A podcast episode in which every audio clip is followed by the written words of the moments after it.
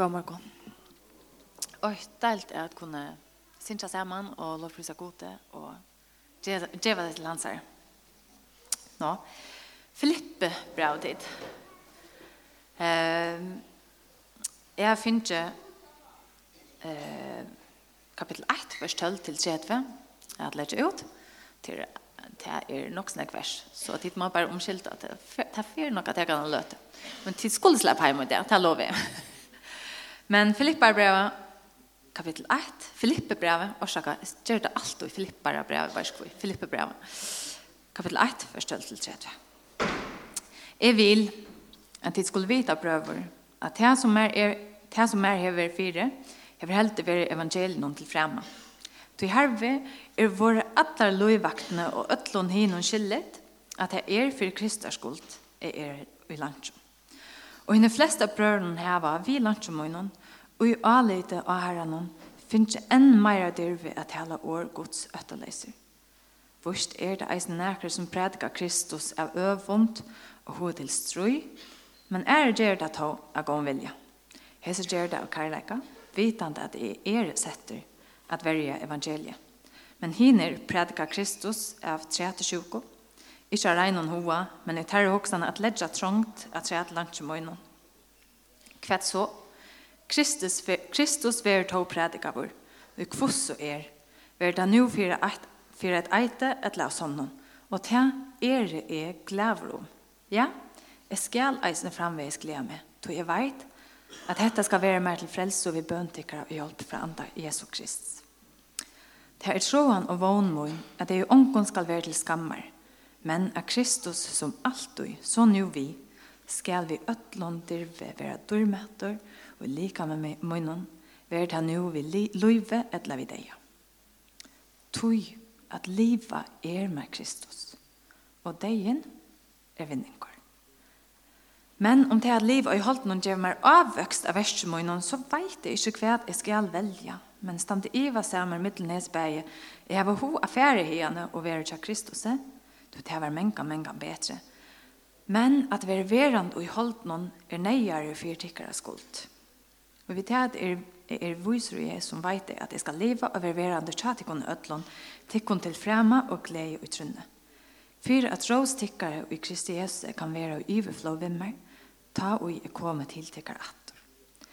Bær skuld til liva lovtikkere som høskande er evangeliet Kristus er. For at jeg, om jeg nå kommer sørge tikkun, eller er fraverande kan få, høyre, få et høyre om tikkun, at jeg standa faster og i einon anda, så tid vi eine sal berja saman fyrir trunn av evangeliet. Og i ångon leta tikkun rea av motstøv mannen, det er dem mest om undergeng, men tikkun om frelso og te fra gode. Tikkun vær jo givet fyrir Kristus skuld, ikke først at trikva av han, men eisen at loja fyrir hans skuld. Det er jo samme strøy som ditt sover som er, og nå høyre om meg. Et av en tekster som faktisk mer arbeid vi han, mer arbeid han vi mer. Øligere han seg han da er bjørnte, men så eisen her han så sterska vågen og løvsjottande kraft. Han er ikke noe man livet sambarst evangelien noen, sambarst nødja skapningen noen som god er vi gjørst med. Og djupen og innlig samfunnet av Jesus. Og jeg vågner at jeg kan legge teksten fram på en sløy mat at tid eisene er edja til at hele enten tal til tekkere. Oppmuntra tekken, edja tekken. Om at livet tekkere liv som tenner noen menneskene som tid er i Kristus. Så god takk for året ut. Takk for at det er livande og virke. Takk for at du vi andre tog innom taler til dere. Takk for at du oppmuntrer og styrker og hjelp meg å legge ditt år fram. Så blir det vers 12. Um, jeg vil at jeg skulle vite, brøver, at det som er over fire, hever helt over evangelion til fremme. Så, Paulus skriver til samkomne Filippe, han vil at jeg skulle vite.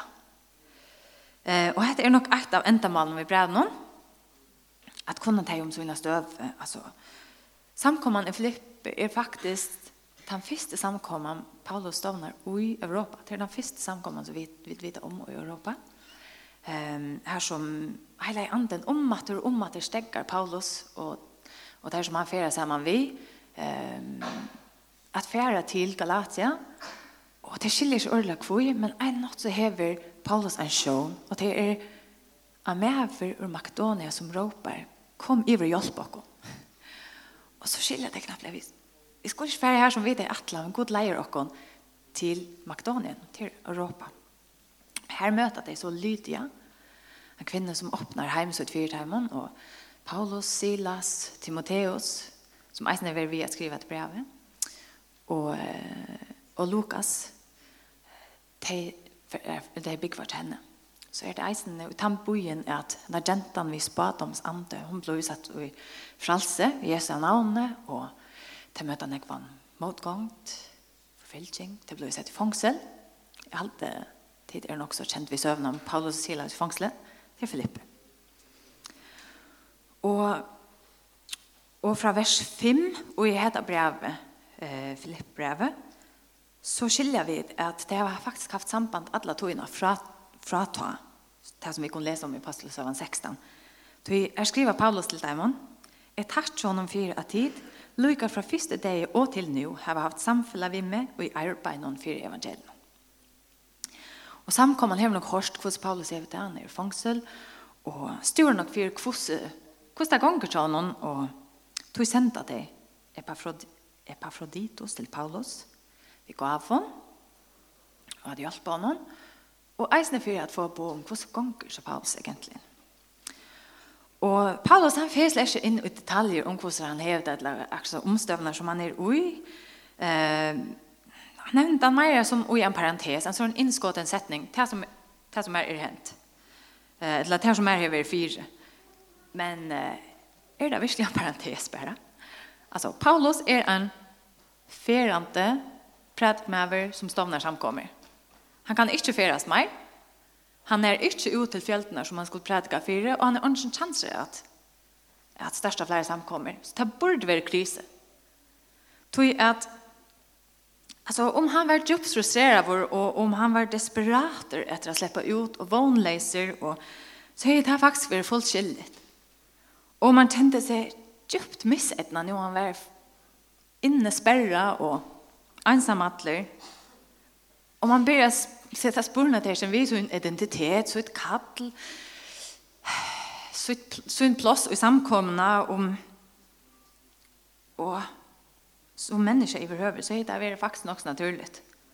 Och att se att allt det så är det att vant inte att omstövnar och i fångsel och i rom är som skandinavisk fångsel anno 29.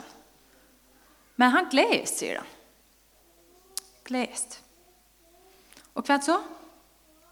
Er han en fanatiker som bare er nok der ved leitsen? Her er ødel motgångten, og til at han er så utmatt av er, og isolasjonen fra omheimen, har vi tatt gjørst han sveka? Nei, det er faktisk av heilen hoa at Paulus han skriver, det som han skriver. Paulus, han ser sjukt egna liv som pastor av en annen ikke større søv.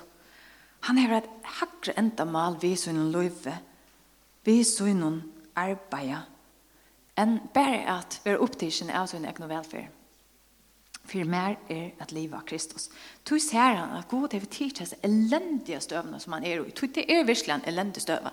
Det er ikke kunne prætka, ikke kunne feres rundt, ikke kunne største samkommer, ikke kunne edja samkommer. Det er en elendig støve som han er i. Men god er har tidligere å vente til noe godt. Og det er tve gode ting som Paulus viser. av. Det første det er at høgt setter hermen har hørt om Jesus. Vers 13 så leser vi, «Tog herve er våre atler løyvaktene og atlån hinne skyldet, at det er for Kristus har skuld, er er i landsjon.» Og alt ettersom hver man helter at Paulus er, tar han skriva etter brevet, om kveld til Rom, om heldur kanskje Efsos, eh, om annet sted, man vet ikke ordentlig han sikkert, så er det så mest av imesting hver er disse hermennene. Om det er Rom, så, så menes det år som Paulus brukar faktisk løyvaktene eller vaktstyrken ved kajsarens palass. Om det er også annan boi, så er det de som er tilknyttet til landshøvdingen her. Men løyga mykje så er det hermen som er høgt sett, um, eller elite soldater, hvis man skal bruke det. Og Ødlund Hinon, som man sier bare til, det kan være hin hermenner, eller Ødlund Hinon som også vekkene er tilknyttet til, til løyvaktene, eller Bare alle henne felsen som var i eller etter hørt om Paulus. Det var ødel hørst at det var Kristus av skuld at han er i lunsjen. Og det tryggvann det her finnes bare dyrve til det nesten. Vi kunne lese vers 14. Hine fleste av brødrene heva, vi lærte munnen, og i alite av herren finnes enn mer dyrve at hele år gods øtterleser. Og det skulle være øvått. Paulus er sett fangsel, fire et, Petka, det borde just at det tryggvande akkurat som for att synte fra EU-flaten och gömde sig synda. Men det har haft övat effekt. Det vill sett hvordan Jarver Paulus er, det vill sett eisende hvordan han i fångsle og i ter omstövnar som han er i, det säga han helt bare av frem. Kanskje at jeg eisende se hvordan evangeliet er mot ikke middelen hermen og de som, som høyre hans er å søve. Det ble styrst og i sitt alle til læreren. Og det er djørv Det færre ut til prædika evangeliet. Og det fer alla stedene. Og her er nesten en ironi og hæsen som er nok så slående. Og det er at Ivervalden som røyna stekker Paulus, setter han i fangsel. De selv avvirker av evangeliet. Og de er vi til at evangeliet blir spreit. Tog at jøkken av Paulus sitter i fangsel, som var en røyna stekker da, så fer det bare langt ut, og de trykker han for meg i Så det er ordentlig fantastisk. Men hvor man tar være just hest tingene som, som Paulus legger den da i samkommen og i Filippe. Og til selv om tog til å være så leis, ta være virkelig så leis. Men jeg halte at han valgte hest tingene seg, Borsjord tog at han ville oppmuntre til i Filippe. Um, han sier, hikk, hva er god gjør her som er ere? God kan eisen gjøre det her til at tog at Filippe var nemlig en bojer vi sterskar herrenar søv. Um, jeg var ikke om til minnest en mever som het Brutus, som uh, drep, eller fikk jødelføren, drepet Julius Caesar. Og det er krutje her som han og Longinus, Einar Sjøye og Marcus Antonius, Octavian, Einar Sjøyene, här som ta fäcks eh ja här som ta blev avgjort tar var faktiskt och Filippe och att han tar så sände Marcus Antonius och Octavian till sändes eh så en herman här a big five för att kolonisera byen och så blev det till en bojer här som han sände eh herman som var liv i sin tjänst a big five ehm och eisen högstandande hermen fra kejsarens egen løyvakt og sort. Så tog vær hette blei til en bojer som var ja, nok så patriotisk, vill jeg säga, och nationalistisk. Smekkfull og gammal hermen som har vågat sitt lov for kejsaren og Rom og som, som sa til här som sina livsoppgave. Og tog var det eisne at samkomna Filippi har møtt så nekva motstå. Ehm, tog det tillbördes kejsaren. Terra konger var ikke kejseren. Det bøgde seg ikke for han, Og det er lov være sin service enn til Filippe. Nei, ja, enn til henne og Filippe, ja. Så Paulus, han, vi, vi er akkurat det der, så sier han, her som er det, her høyre her, men faktisk om Jesus.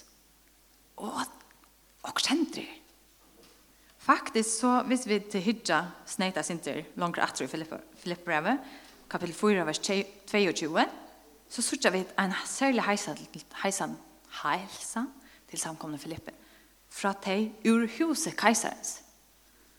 Så enda teg som var helt knutt er, er at keiseren teg var kommet til trygg. Og teg tryggvande hadde finnet mer dyrve at bo evangeliet. Kunne det uimynda deg om hvordan det er som samkommende flipper, som strøyast, som kanskje er eh, livet sin tror øtta fire i valden og bøyene og alt det. Hvordan er det å få enda bådskapen?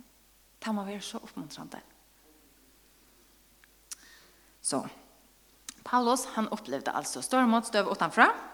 Han var nu sett fångsel. Men han mötte eisen motstånd innanför. Vi kan läsa vers 14 och ut här Hina flesta av brødrene hava vil lantje munnen, og i alit og herren om finnes enn meir dirve at hele årgods øtaleser. Først er det eisne näker som predikar Kristus av øvund og ho til strui, men er det det to av gomvilje. vilje. Hesa gjør det av kærlega, vitant at jeg er settur av verja evangeliet. Men hine prætka Kristus av tredsjuko. Ikke av regnon hoa, men ut hoksan at ledja trångt at træt lantjemunnen. Kvært så Kristus ver to prætika vår, og kvoss er ver ta nu fyrir et eite etla sånn. Og til er er glævro. Ja? Jeg skal eisne framveis glea meg, då jeg veit at dette skal være mer til frelse og vi bøntikkere og hjelp fra anta Jesus. Krist. Så hver er hese følgene som motarbeider Paulus? Som predikar Kristus av øvund, hoa til strøy, trete sjuko, ikke regnen hoa for å legge trångt at trete til Paulus. Og vi vet ikke. Og Paulus sier okken ikke nek om det. Men det predikar, det predikar Kristus. Og Paulus, Paulus han gledes om at, at det hender, at det hører om Jesus. Så man kan råkne vidt at det er skikkvante folk. Og jeg halte kanskje at, ja, hva er det mot Paulus? Det vet vi helt ikke, han sier ikke ordentlig at det er helt men, men det som han sier i vers 16, halte kan ganske være en avbending om det. Han sier at de som prædikar ved røtten hoppere, de vet at Paulus er sett at være evangeliet. Så jeg husker, kan det være et strøy om Paulus er person, om han virkelig er sett at være evangeliet, og man verlig er verdra lust etter, og man verlig blir brukt av gode. Og vi vet fra ørenbrøven til dømes korinterbrøvene, at dette var et strøy for samkommende, at um, som hilde til imot Paulus, at han var sånn förfilter og at han var sitt fangsel, og at han var fateker, og alt det der, til søtte jeg, men det er prekk om at god er slesje vi andre mannen. Vi skulle slesje lust etter honom, og uh, kanskje er det en slik motstøve han møter eisen her, med til det tryggvante. Og teksten legger eisen opp til at noen enda brukar til at Paulus sitter i fangsel til at sjolve få sin agenda for den fremme. Han skal få makt, det var ikke. Han skal røyne til hans posisjon med til det tryggvante. Jeg var ikke. Akkurat ødelføren til sin egna vinning. Og han sier at det er som at det er så rævlig hardt av Paulus. Jeg råkner vi hatt det er Nei, hver til noen, enn ta rent faktisk skal sitte i fangsel for sine tryggvante Tog det er stort litt, ta sporene der som vi har sett vi til hver du erst. Om god er viktig, om uh, du erst kattler vår, om du erst egna vår til til at du erst, om du er brukt av gode, og om man i behøver skal luste etter det. Og ta folk at tre at jeg bruker ringestøvene som du erst ui, som pregg for at gode færen fra deg, og til gangen for seg selv. Og jeg minner det godt. Alltså är allt man kan känna sig så illa viffaren och så sviknan. Jag ska fräst vara att jag var upp. Blev ytlor, bärskor, färg från ötlån, på gode. Kanske Paulus. Han noktar att sätta sig självan i centrum. Han noktar att läta dig som är en annan agenta. För dig som skulle eh, diktera hans här känslor, hans här trygg, hans här eh, självsvire. Han hikker opp om, og så sier han, jeg gledes om at folk var om Jesus. Og vet du hva, jeg har mest ut til å si at jeg leser det, og jeg virkelig hokser om hva Paulus sier, så jeg spør Paulus, du er ikke i orden. Tror, trykk var ikke på hatt Ongen klarer jeg hatt det. Ongen klarer å si at det er bare noe du sier, Paulus. Så det er faktisk nemmere enn at innsøke at jeg reale ofte sitter meg selv i sentrum. Det er nemmere enn at innrømme, innrømme jeg for god. At jeg har hod til at alt skal gengas mer vel. At ødel skulle trykke på meg. Jesus, men du er bare sært. De skulle ha alle til morgen. De skulle dama meg. Nemmere enn innrømme at jeg ofte er mer faktisk til reier å verja meg selv enn at verja evangeliet. Det er närmare faktisk att Äfa er Paulus som, ja, ja, det var Paulus, han var simpelt en fanatiker, han var, ja. Än att her var han som fyrmynd, tog så nøyes det at färre til god og sier, god, brøyt mig. Men hvordan, hvordan bär det til? Paulus sier det som han heter och Jesus dövna. Hvordan bär det til? At han mekner sig så selv til och glest om att evangeliet blev boa skjolt om han heter ringt och folk vilte honom ringt. Jag kan läsa från vers 20 og jo det. Det tror han var onmoin att jeg i ångon skall være til skammer, men att Kristus som alltid så nu vi skall vi öllon dirve være dyrmättor och lika med moinon vara det nu vi løyve eller vi deia. Tog att liva er med Kristus och deien er vinningor. Men Om det här livet i hållet någon och mig av verser munnen så vet jag inte vad jag ska välja. Men stante Iva säger med mittlen hes bäg, jag har hoa färg henne, värre till Kristus, så det var många, många bättre. Men av er verande i hållet någon är nöjare för tickare skuld. Och vi tar att er visar här som vet jag, det ska liv av er verande till kon ötlån. Till kon till främma och glädje utrunne. För en rådstickare och Kristi Jesus kan vara och överflå vimmer, ta er kom till tickare attrå. Jeg har lett er lysen til å skilje Paulus. Det er han som har tatt det innelige forhold til Jesus som har brøtt alt hans her liv. Alt han er, alt han gjør, det er et endamål. Det er at durmøte Jesus. Og ut fra hessen bråten så skiljer vi et eisende kanskje at det gonger ikke så godt som Paulus støvann er nok så ring. Det ser ut som han her er kanskje en vant, en verlig vant av fire, den fire dodja. Eh, om det er at han er så ytla fyrir fangsle, eller om han kanskje er bensjen fyrir en deg og Men han er jo øtla fyrir en tilvita om at det er møvla ikke.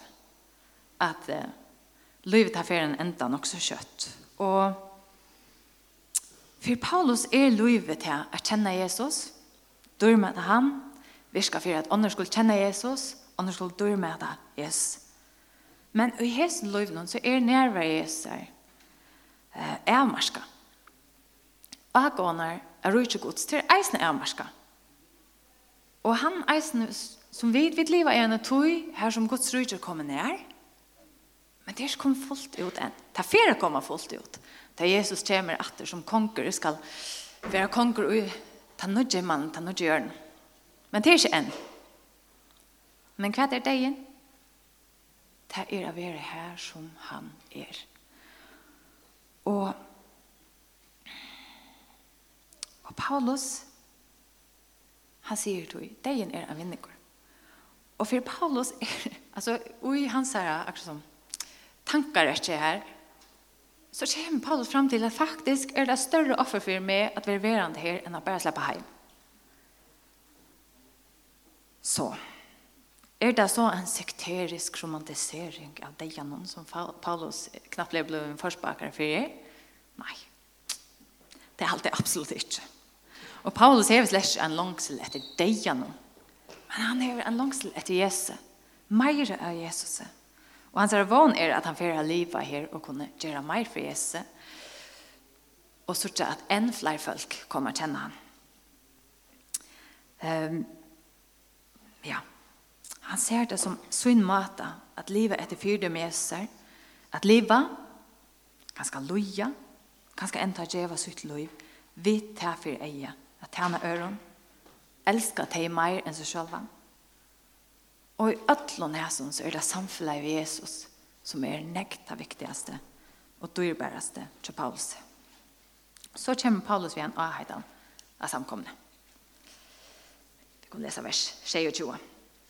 Vær skulle tid liva lovtikkara som høskande er evangeliet Kristar, for at jeg, om man jo kommer og sørger tikkun, eller er, er fraværende, kan få at høyre om at de standa faster i en og anda, så tid vi ene sval berja saman for trunne av evangeliet. Vær skulle tid liva lovtikkara som høskande er evangeliet Kristus er. Og hva er det at liva høskande evangelien, og hva er det tydninga mykje? Ja, det er noe som Paulus er opptidsen av faktisk i ødlån søgn brøven. Hvordan lever en tryggvante? Og hva er det Paulus er opptidsen av? Er jeg sånn?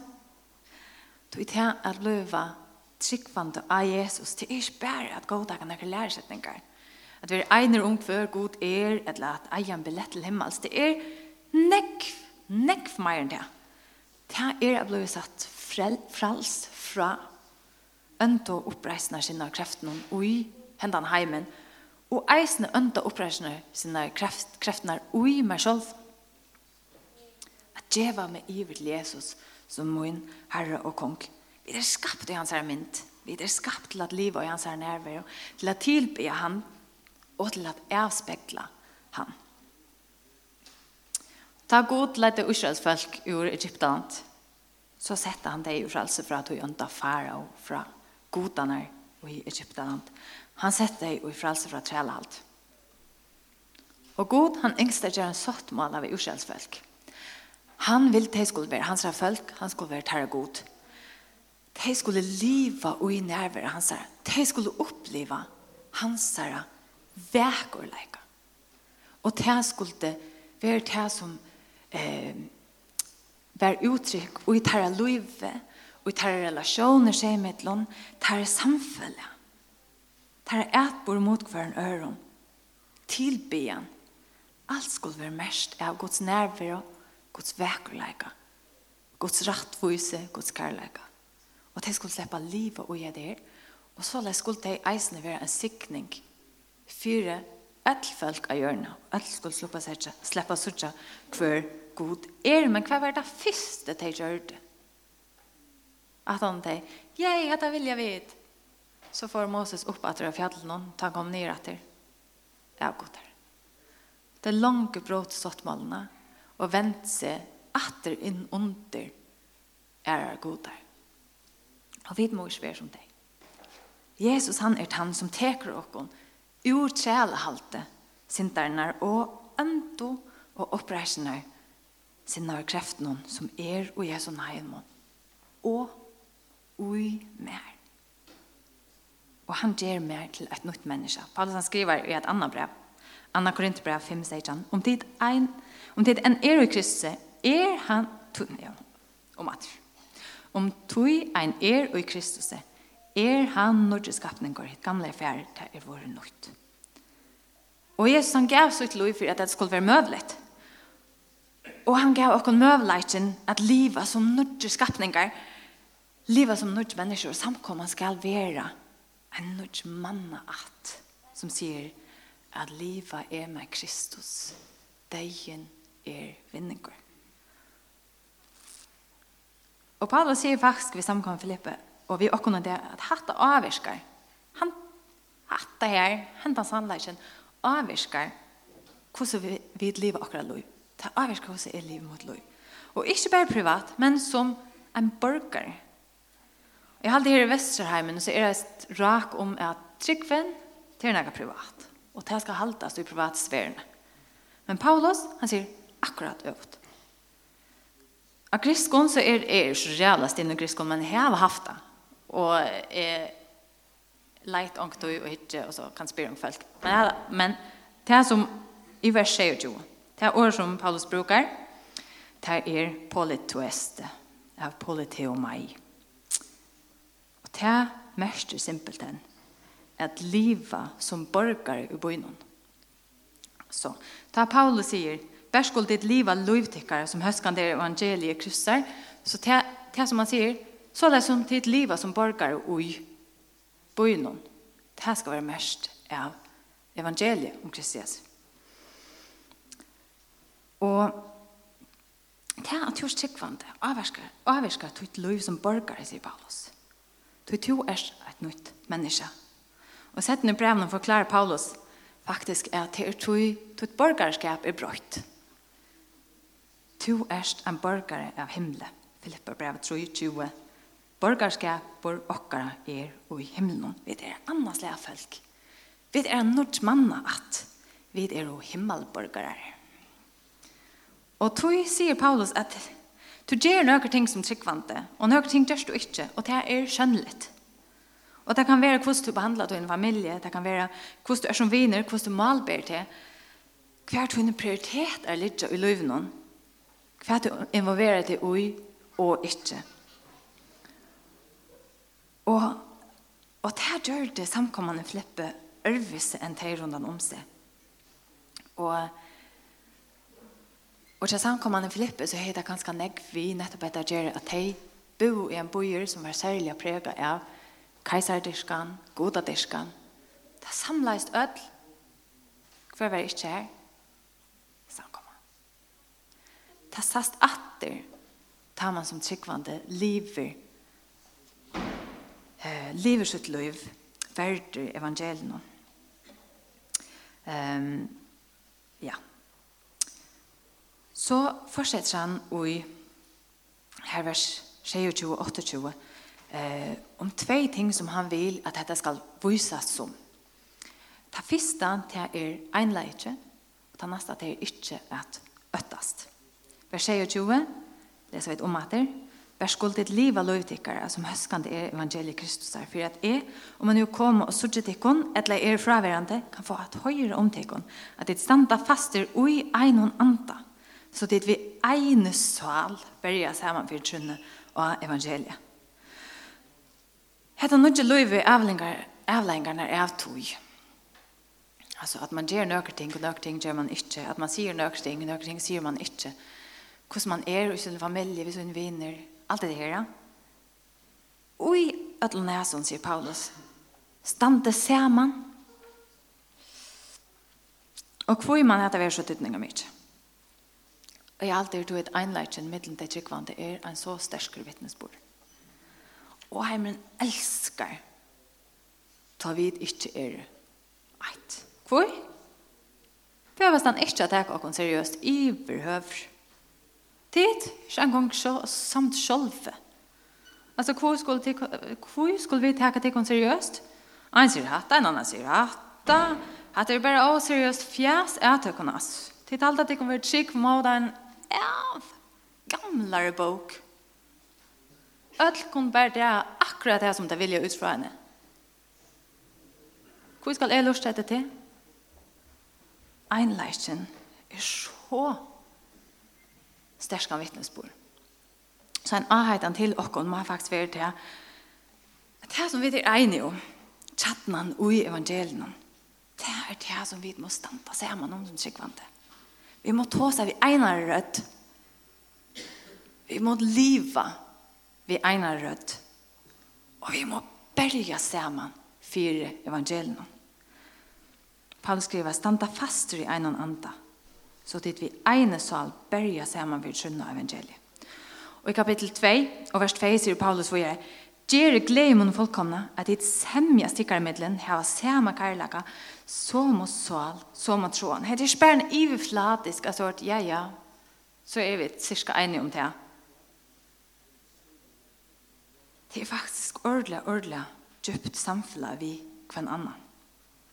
Året som Paulus brukar til einon anda, eine sal, berja saman, semjast, sama karlaga, som og sal, som og troen. Hetta er ikki nakað sum bara hendir. Vit her inne, vi hava ikki bara knappliga sama troan, ella sama and, ella sama sal. Ta krever at vi koma kvar nærn vi. Ta at vit tosa saman, at vi bia saman. At vi tår at hega evner opp dit. Vurdera det. Hva sier Bibelen om hetta? Hva er Jesu firmynd og i hæsson? Hvordan skulle vi leva? Hva Og det er ikke bare nok at en sier, så det ser det tid, nå gjør vi dette. Etla, så er, og det er heldig ikke så til at, du, nå er vi sin ikke enig med dette, kom bli enig. Ok. Nei, ofte er det. Det krever at vi berges i bøn om noen ting. Det krever at vi samskifter, at vi granskar, at vi diskuterer, at vi er hamrande og enig, men vi, at vi i ødlån leter anda gods leie åkken. Og ta er sier vit. så er det vit og i husbølgen, ganske. Vi tryggvande som byggva i hese gøtene, hvordan vi halda vit og til noen ting. Vi tryggvande som har bøten av samme aldre. Vi tryggvande som sparska saman, som genga bindklubb saman. Vi tryggvande arbeidsplassen. Vi som er i tjenest sammen, vi som sitter i lærselene og i samkommende. Vit samkomnar i byen. Vit samkomnar i landet. Og jeg halda en firmen og jeg som til faktisk apostelsøvann 15. Eit av største og tøtningamiklas teologiske struje og i kyrkjesøvene er vi gjørst. Mo heitningar ble vi jødar for at jeg måtte gjøs. Og jeg kan lese noen brått fra apostelsøvann 15. Vers 6 og 6. Apostlener, apostlener og hinner eldste kom og ta saman at samråast om hetta. Ta at her nu høttu tratt, mers året, tratt nekvom det. Rastis Petrus seg og sier vittar. Titt menn prøver, titt vit at god lengst jo en utvalgt med mittelen til kardela verd han. Vi kvørs munnen heitningar skulle få at høyre år evangelion så kommer til trygg, og så blir han vi enn å løte. Vers 12, ta takt alle flokkren og ta flokkren og ta lust av etter Barnabas og Paulus som sødde fra hvor så stor tegjen under god vi taimon her gjørst med leitningene. Og så vers 13 og 14. Ta der hild opp etter talat og Jakob til året sier tid menn, brøver høyre med, Simon har sagt fra hvor god i byrjan her omhoksan om at jeg kan navne søgnen ut folk av heitningene. Vi, vi heter samsvære år profetarna som skriver i, og så siterer han. Ta leikar her stod det trætast. Diskussioner var harmaltar, inläggen och i tjärsen och vår vi passionen. Men hva sier det? Ta heter jeg, vers 28, heila i anden og vid, her var just av, unge er byr at ledja at jeg om dette, som nei ut er. Og i ötlun ledda heila i anden. Så fyrsta aetan er altså standa saman og i ekta von einleika. Og let det være en bøn for åkken som samkommer. Bare luften her, men eisen for godt samkommer og i følgen. Ta neste som Paul skriver til øttest ikke. Vers 28. Og i ånken let det kunne rea av motstømmene.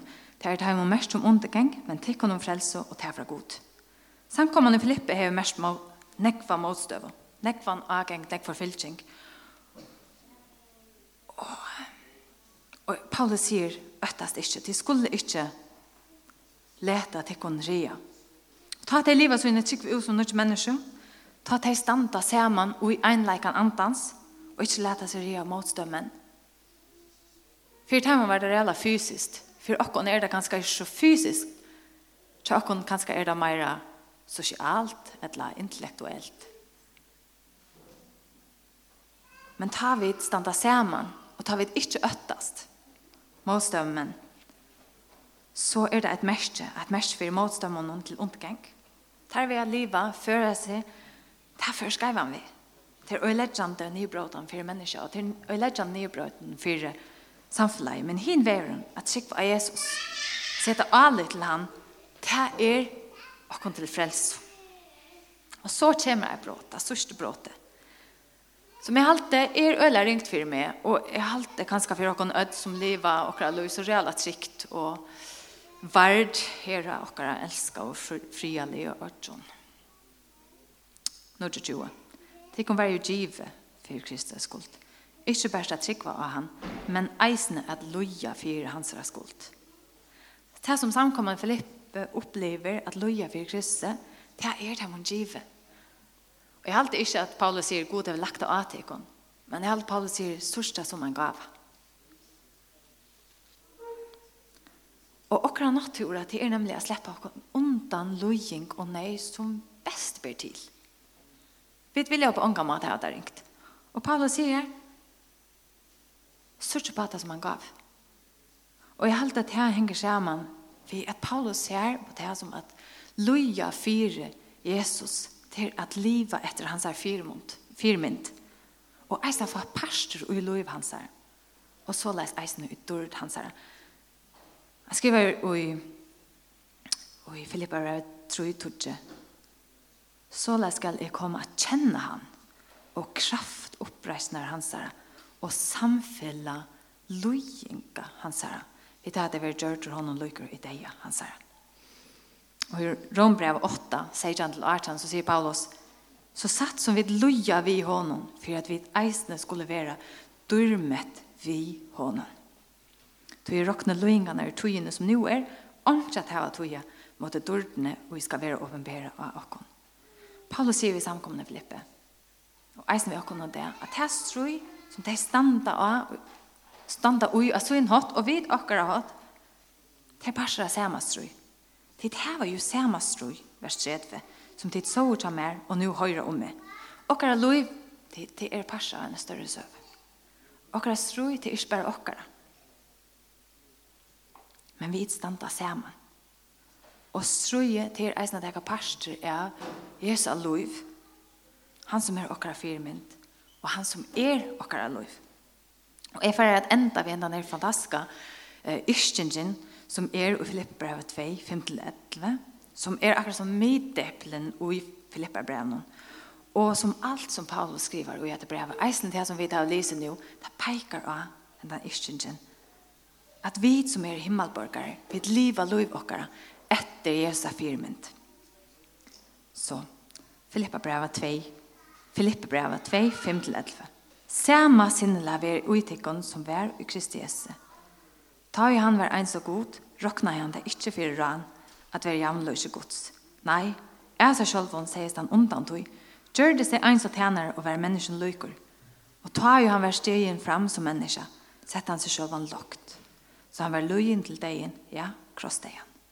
Tog hever god eisen sett han, ekvelia høgt, og giv honom navnet som iver ødlån navnet er, fyrir et og i navnet jeser, kvørst knæ skal borta seg, Terra som i himmelen er, terra som av jørne er, og terra som under jørne er, er.